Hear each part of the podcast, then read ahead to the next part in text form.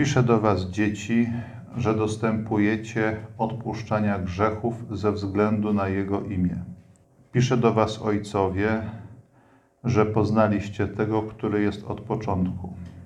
Piszę do Was, młodzi, że zwyciężyliście złego. Napisałem do Was, dzieci, że znacie Ojca. Napisałem do Was, ojcowie, że poznaliście tego, który jest od początku. Napisałem do Was, młodzi, że jesteście mocni i że nauka Boża trwa w Was, a zwyciężyliście złego. Nie miłujcie świata ani tego, co jest na świecie. Jeśli ktoś miłuje świat, nie ma w nim miłości Ojca. Wszystko bowiem, co jest na świecie, a więc porządliwość ciała, porządliwość oczu i pycha tego życia nie pochodzi od Ojca, lecz od świata. Świat zaś przemija, a z nim jego porządliwość. Kto zaś wypełnia wolę Bożą, ten trwa na wieki. W tym tekście, jego, jego pierwszej części, święty Jan pokazuje nam, prezentuje nam jakby trzy grupy adresatów. Tak to możemy powiedzieć. Nazywa ich dziećmi, młodymi i ojcami. I trudno powiedzieć, jakby w pierwszym odruchu, czy święty Jan ma na myśli trzy różne grupy chrześcijan, scharakteryzowane przez różne doświadczenia, które, których Pan Bóg im udziela, czy chodzi bardziej o określenie chrześcijan, każdych, każdego chrześcijanina, jak gdyby z trzech punktów widzenia. Właśnie dzieci, młodzi i ojcowie. Popatrzmy, w jaki sposób on te grupy charakteryzuje, co takiego się dzieje w przypadku poszczególnych grup. Więc dziećmi nazywa tych, którzy dostępują odpuszczenia grzechów i wydaje się, że w konsekwencji tego dochodzą do poznania Ojca. Młodymi nazywa tych, którzy są mocni, cokolwiek to oznacza. Mówi o nich, że nauka Boża w ich nich trwa i że zwyciężyli szatana. To są młodzi. Natomiast ojcami nazywa tych, którzy poznali tego, który był od początku, czyli jak się wydaje, chodzi po prostu o Pana Boga.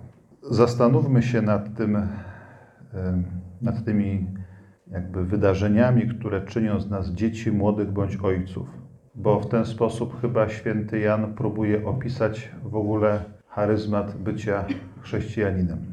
Więc na samym początku dzieci i odpuszczenie grzechów, poznanie Ojca. Tak jak pamiętamy, w Ewangeliach synoptycznych dziecko zajmuje miejsce szczególne, pojawia się w różnych rozmowach Pana Jezusa z apostołami.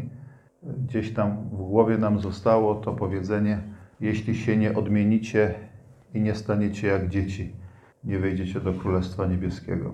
U świętego Jana w trzecim rozdziale być może ta sama myśl jest wyrażona innymi słowami, kiedy Pan Jezus zwraca się do Nikodema i mówi, że trzeba się narodzić powtórnie, jeśli ktoś chce wejść do Królestwa Niebieskiego. Więc jak gdyby innymi słowy wyrażona ta sama nauka. Święty Jan opisuje tutaj, w jaki sposób człowiek staje się dzieckiem i podaje dwa warunki do tego, żebyśmy się takimi dziećmi, domyślnie chyba bożymi, stali. Więc pierwszym warunkiem jest odpuszczenie grzechów. On tutaj mówi, że dostępujecie odpuszczenia grzechów. Czyli nie jest to działanie, które dokonuje się ludzkim wysiłkiem, ale jest całkowitym darem Pana Boga. W jaki sposób trzeba to odpuszczenie grzechów rozumieć? No pierwszą rzeczą, która nam przychodzi do głowy, czyli takim podstawową praktyką, czy podstawowym miejscem, gdzie się rodzimy jako dzieci Boże, no to jest konfesjonał. Odpuszczenie grzechów w sakramencie pokuty. I tutaj jakby co do tego, że właśnie tak się dzieje, no, no nie ma najmniejszej wątpliwości. Tak, taka jest nauka Kościoła. My możemy popatrzeć na to jeszcze z szerszego punktu widzenia, mianowicie w całej tej naszej bogatej tradycji monastycznej Pokuta za grzechy, prośba Boga o darowanie grzechów odgrywa zasadniczą rolę. Ilu ojców jest, ile matek jest życia monastycznego od wschodu do zachodu, od początku, od III wieku aż po nasze czasy. Wszyscy nieustannie mówią o konieczności żalu za grzechy, konieczności skruchy, czy też tego pokajania. Tak jak to już mówiliśmy sobie wcześniej, kiedy była mowa o łudzie. I teraz nie chodzi o to oczywiście, że skrucha załatwia rzecz, ale skrucha sprawia, że człowiek staje się bardziej spolegliwy do tego, żeby tę łaskę Bożą przyjąć. Możemy sobie to wyobrazić za pomocą obrazu ogrodu, nie? że jak człowiek skopie grządkę i podsypie nawozem, to łatwiej zejdzie. Nie? Można rzucać ziarno czy sadzić pomidory w twardej ziemi, nieskopanej, nieprzygotowanej. No może coś tam zejdzie, nie? ale będzie dość ciężko temu pomidorowi tam się zakorzenić. A jak się grunt przygotuje, to i owoc lepiej rośnie. I ta skrucha to jest właśnie takie przygotowywanie grządki do tego, żeby to nasienie Bożego przebaczenia mogło paść i wydać plon obfity. Możemy powiedzieć tak, że odpuszczenie grzechów ma jakby takie trzy elementy. Pierwsze to jest pojednanie z Bogiem. Pojednanie człowieka z Bogiem, czyli to ma ten, po prostu tą konsekwencję, tak jak nas katechizm uczy, że w momencie śmierci człowiek nie jest skazany na piekło. To można powiedzieć o takiej strony negatywnej, a od strony pozytywnej i myślę, że to powinno zaprzątać o wiele bardziej naszą uwagę, że w momencie pojednania z Bogiem człowiek dzięki Bożej łasce ma prawo do tego, Bóg mu daje takie prawo, że mógł wejść do raju. Uroczystość w niebo wzięcia, w tradycji benedyktyńskiej święto bardzo ważne i to tak naprawdę jest święto raju. Możemy rozmyślać o zaśnięciu, o pogrzebie i tak dalej Matki Bożej, ale przecież zasadnicze przesłanie tego święta jest to, że weszła do raju. I jest to jakby takie przypomnienie dla nas, że my do tego raju też mamy wejść, a to się dokonuje przez odpuszczenie grzechów, przez pojednanie z Bogiem. To jest jakby pierwszy element. Drugi element to jest pojednanie z ludźmi. Jak pamiętamy, jakby nasz grzech zawsze w jakiś sposób rani tych, którymi tworzymy wspólnotę nawet jeśli nie jest bezpośrednio skierowane przeciwko komuś, ale w jakiś sposób tego człowieka rani. A jeżeli ktoś już grzeszy w ten sposób, że rani innych ludzi, no to jest jakby zupełnie inna historia. I odpuszczenie grzechów, co nam zapowiada również Apokalipsa, e, nie polega na tym, że Pan Bóg powie człowiekowi, że nic się nie stało, nie? bo wiemy, że grzechy mogą być niektóre przerażające i potworne, i, niszczące ludzi, i krzywdzące ich, doprowadzające ich do rozpaczy, do utraty wiary czy życia nawet, ale że Pan Bóg, który z tą swoją łaską wkracza w to ludzkie bagno, jakby też sprząta. Czyli w pewnym sensie to, w jaki sposób my rozumiemy sakrament odpuszczenia grzechów, jedna nas z Panem Bogiem, tak jak to wyznajemy, czyli usuwa karę wieczną, ale nie usuwa kary doczesnej czyli w jakiś sposób w naszych rękach pozostawia nam kwestię zadośćuczynienia bliźniemu. Ale odpuszczenie grzechów, właśnie tak jak nam to pokazują Księga Apokalipsy Świętego Jana zwłaszcza, jest też zapowiedzią tego, że w momencie, kiedy nadejdzie koniec świata, Pan Bóg naprawi to wszystko, cośmy z powodu naszych grzechów na tym świecie zepsuli. Wiemy, że jest bardzo dużo krzywdy, bardzo dużo zła na świecie i nawet jeśli ktoś bardzo serdecznie żałuje, nie jest w stanie tego wyprostować. A Pan Bóg jest. I kiedy jakby pokutujemy za nasze grzechy, prosimy o przebaczenie, to jednocześnie też Pana Boga prosimy, żeby naprawił to, cośmy zepsuli. Więc w tym przebaczeniu grzechów jest też bardzo duża nadzieja, że Pan Bóg jakby wyprostuje to, co krzywe. Więc to jest jakby trzeci element, czyli pojednanie z Bogiem, pojednanie z ludźmi i naprawa tego, co zepsute, więc odpuszczenie grzechów. Konsekwencją tego jak święty Jan nam tutaj pokazuje, jest poznanie Ojca. O tym, co to poznanie znaczy, co ten rzeczownik oznacza, to już mówiliśmy sobie wcześniej. Tutaj można dodać, chyba to też kiedyś tam już była mowa o tym, ale można też tutaj dodać, że to pojednanie, odpuszczenie umożliwia jakby wzrost miłości. Nie, że dopóki tego pojednania nie ma, by ta miłość jest tak hamowana. Jak to pojednanie następuje, Wiemy, że dokonuje się ono przez krzyż Chrystusowy, stąd więc, więc to nasze uwielbienie i adoracja dla sakramentu Eucharystii. Więc ta miłość wzrasta i tak jak mówi święty Augustyn, tym narzędziem, które umożliwia nam poznanie Boga jest miłowanie. Nie jakieś spekulacje e, intelektualne, ale właśnie miłowanie. Czyli im kto bardziej kocha, tym bardziej poznaje. Jak ktoś kocha mniej, no to poznaje również mniej. Ponieważ Bóg jest miłością nieskończoną, więc wie wszystko. My im bardziej się rozmiłujemy po odpuszczeniu grzechów, tym lepiej będziemy rozumieć. Taka jest intuicja świętego Augustyna. Święty Jan mówi, że to wszystko dokonuje się, czyli to poznanie Ojca, odpuszczenie grzechów, dokonuje się ze względu na Jego imię.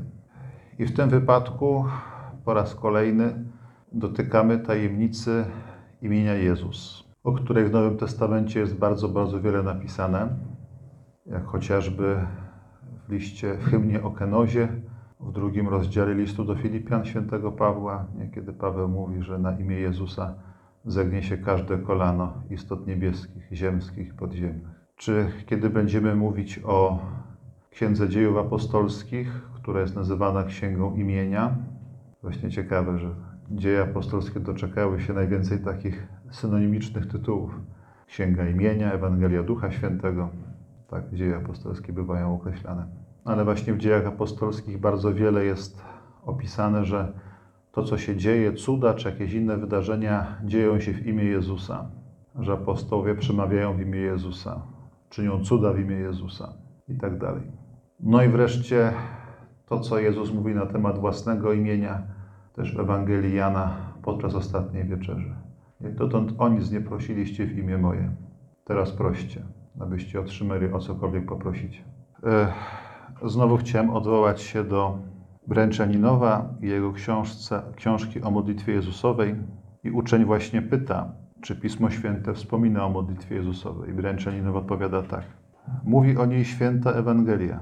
Nie myśl o niej, że jest ustanowieniem ludzkim, jest ustanowieniem boskim. Ustanowił i zalecił ją sam Pan nasz Jezus Chrystus. Po mistycznej wieczerzy, czyli ostatniej, podczas której został ustanowiony Najświętszy Sakrament Chrześcijaństwa, święta Eucharystia, Pan w pożegnalnej rozmowie z uczniami przed pójściem na swą straszliwą mękę i śmierć na krzyżu, aby odkupić przez nie ginącą ludzkość, przekazał im wzniosłą naukę i najważniejsze końcowe przykazania. Wśród nich darował też pozwolenie i przykazanie, aby się modlić w Jego imię. Zaprawdę, zaprawdę powiadam wam, jeśli o co prosić będziecie Ojca w imię moje dawam. O cokolwiek będziecie prosić Ojca w imię moje, to uczynię, aby był uwielbiony Ojciec w Synu. Jeśli mnie o co prosić będziecie w imię moje, ja to uczynię.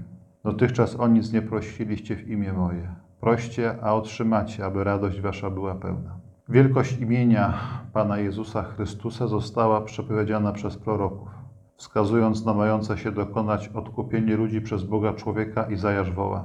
Oto Bóg Zbawiciel mój. Będziecie czerpać wody z radością ze zdrojów zbawienia.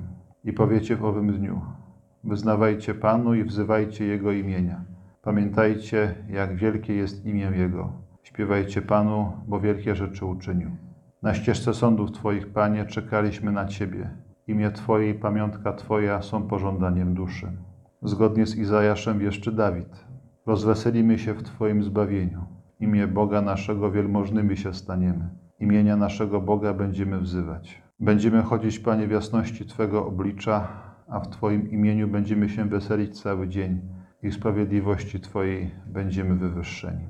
No i potem jest opis tego, w jaki sposób apostołowie Piotr i Jan uzdrowili chromego przed bramą piękną i w jaki sposób tłumaczą, że wszystko, cały ten cud dokonał się nie ich mocą, ale ze względu na imię Jezusa. Być może teraz właśnie, zresztą jak tak obserwujemy również w Polsce, ta modlitwa Jezusowa, przyzywanie Bożego imienia stają się coraz bardziej popularne. Ludzie jakoś tym odnajdują swoją nadzieję, zwłaszcza w tym wyznaniu takim swojej grzeszności. Zmiłuj się nade mną grzesznikiem. Teraz tej grzeszności tak doświadczamy, a ta, a, ta, a ta modlitwa jakby zdaje się wskazywać nam na to, że właśnie dzięki tej grzeszności naszej Bóg nas wysłucha ze względu na skruchę, jaką zanosimy przed Jego obliczem. Więc to odpuszczenie grzechu dokonuje się ze względu na Jego imię. Jak pamiętamy, imię Jezus oznacza po hebrajsku Bóg zbawia. Bóg jest zbawieniem. Więc jakby imię Jezus sprawia to, co oznacza. Bóg daje zbawienie. No i konsekwencją tego jest poznanie Ojca, czyli to wejście taką bardzo głęboką komunię z Nim. Więc to jest jakby pierwszy taki etap, czyli to są dzieci. Więc o tyle jesteśmy dziećmi, o ile odpuszczone nam zostały grzechy, o ile pokutujemy i o ile poznajemy Ojca, no bo dziecko musi mieć Ojca. Nie? Tak jak Pan Jezus opowiada, nie zostawię was sierotami. Drugi element to są młodzi. I wiadomo, no, że człowiek najpierw jest dzieckiem, potem jest młodym. Więc można powiedzieć, człowiek już tutaj w tym wypadku bardziej dojrzały, ktoś, kto zaczyna żyć na własny rachunek. I to, co istotne, proszę popatrzeć, że to, co opisuje nas jako dzieci, opisuje nas w relacji do Boga. Właśnie odpuszczenie grzechów, poznanie Ojca. Natomiast ta młodość, czyli to, jak człowiek już zaczyna wychodzić z domu i brać odpowiedzialność za własne życie, zostaje opisane ze względu na nasz stosunek do świata, tego, co się dzieje na zewnątrz. I tu święty Jan mówi o tym, że to są zwycięzcy szatana, to są ludzie, w których trwa Boża nauka i to są ci, którzy są mocni. Ale widzimy, że ta siła i ta moc i to zwycięstwo nad szatanem, to trwanie Bożej nauki są konsekwencją tego odpuszczenia grzechów i poznania Ojca. Troszeczkę można powiedzieć tak, że jakby jak dużo zależy od naszego wychowania, jaki był nasz dom. Wiadomo, że nie jest to wyrokiem, nie? bo to tam ludzie czasami, którzy mieli dobre domy, skończyli bardzo marnie, a ktoś, kto wychodził ze słabego domu, z jakiejś trudnej rodziny, też potrafi być bardzo dobrym i wspaniałym człowiekiem. Więc wiadomo, że to nie jest wyrok. Ale tutaj święty Jan nam próbuje to pokazać, że jakby wychowanie, które daje nam Bóg, sprawia, że zaczynamy potem coraz pełniej żyć. I tak mocne jakby przeżycie sprawia, że człowiek staje się ojcem, dlatego że poznał Boga. Czyli w takim razie, skoro poznał Boga, no to staje się w pewnym sensie taki jak On. Pamiętamy w Księdze Rodzaju jest napisane, że jesteśmy stworzeni na Boży obraz i Boże podobieństwo, czyli jakby mamy udział w tym charyzmacie Bożego Ojcostwa i jako mężczyźni, jako kobiety, czy przez ojcostwo, czy przez macierzyństwo, w duchowy bądź biologiczny sposób. W taki sposób tą rzeczywistość okazuje święty Jan, opisuje święty Jan. I jako przeciwieństwo tego, bo tutaj widzimy, że te trzy jakby grupy dzieci, młodzi, ojcowie są całkowicie skoncentrowani na Panu Bogu, który działa na nich w różny sposób. Natomiast jako antytezę tego święty Jan pokazuje, że ktoś może koncentrować się nie na Panu Bogu, tylko na świecie. Nie miłujcie świata, tego co jest na świecie. Kto miłuje świat, nie ma w nim miłości Ojca. Wszystko, co jest na świecie, porządliwość ciała, porządliwość oczu i pycha tego życia nie pochodzi od Ojca, lecz od świata. Czyli tutaj również mamy taką trojakość, porządliwość oczu, ciała, pycha tego życia, tak jak mieliśmy dzieci, młodych i ojców. Tak samo tutaj też mamy tą trzy stopnie odejścia od Pana Boga. Święty Augustyn, kiedy komentował ten fragment, opowiedział baśń. I to jest ciekawe, bo Augustyn raczej baśni nie opowiadał, przynajmniej ja ich nie kojarzę. A ta baśń jest taka całkiem piękna. Święty Augustyn mówi, że była kiedyś piękna dziewczyna, która mieszkała w wiosce i przez tą wioskę przejeżdżał królewicz. Jak to w baśniach bywa, zakochali się w sobie od pierwszego wejrzenia, królewicz tej dziewczynie, dziewczyna w królewiczu, no ale królewicza wzywały sprawy wagi państwowej, więc siadł z konia, poszedł do domu, oczywiście, jak królewicz poprosił o rękę, został przyjęty. No i na pożegnanie dał tej dziewczynie pierścień. Mówi, masz tutaj pierścień, żebyś o mnie pamiętała i czekaj na mnie, aż wrócę. No i on odjechał w sprawach wagi państwowej, no dziewczyna została z tym pierścieniem. A to był bardzo piękny pierścień. I ona zaczęła się w niego wpatrywać i tak się w niego wpatrywała, wpatrywała, mówi Augustyn, aż zapomniała o królewiczu. Bo ta się zachwyciła pierścieniem, że zapomniała o królewiczu. I Augustyn mówi, że tym pierścieniem, który otrzymujemy od Boga jest świat. Świat stworzony. Żebyśmy pamiętali o tym, jak wielki jest Jego Stwórca. Ale Augustyn mówi, są czasami ludzie, którzy tak się zapatrzą w ten świat, że zapomną o Panu Bogu. I święty Jan mówi troszeczkę tutaj podobnie. Opowiada tutaj troszeczkę podobną historię.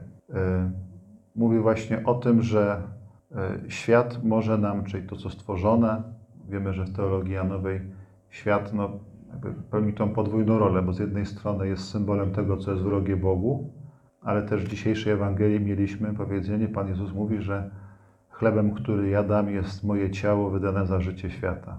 Czy jakby też z drugiej strony jest to pragnienie Boga, żeby Boże, żeby ten świat został przebóstwiony, tak jak to powinno być, co wynika z teologii stworzenia. Ale ten tekst, który tutaj rozważamy, on przede wszystkim ma, nam, ma nas nauczyć tego, takiej rzeczy, no, którą też znamy, przecież jeszcze też nam to mówią od czasu, jak się szykowaliśmy do pierwszej Komunii Świętej, żeby w naszym życiu była odpowiednia hierarchia wartości.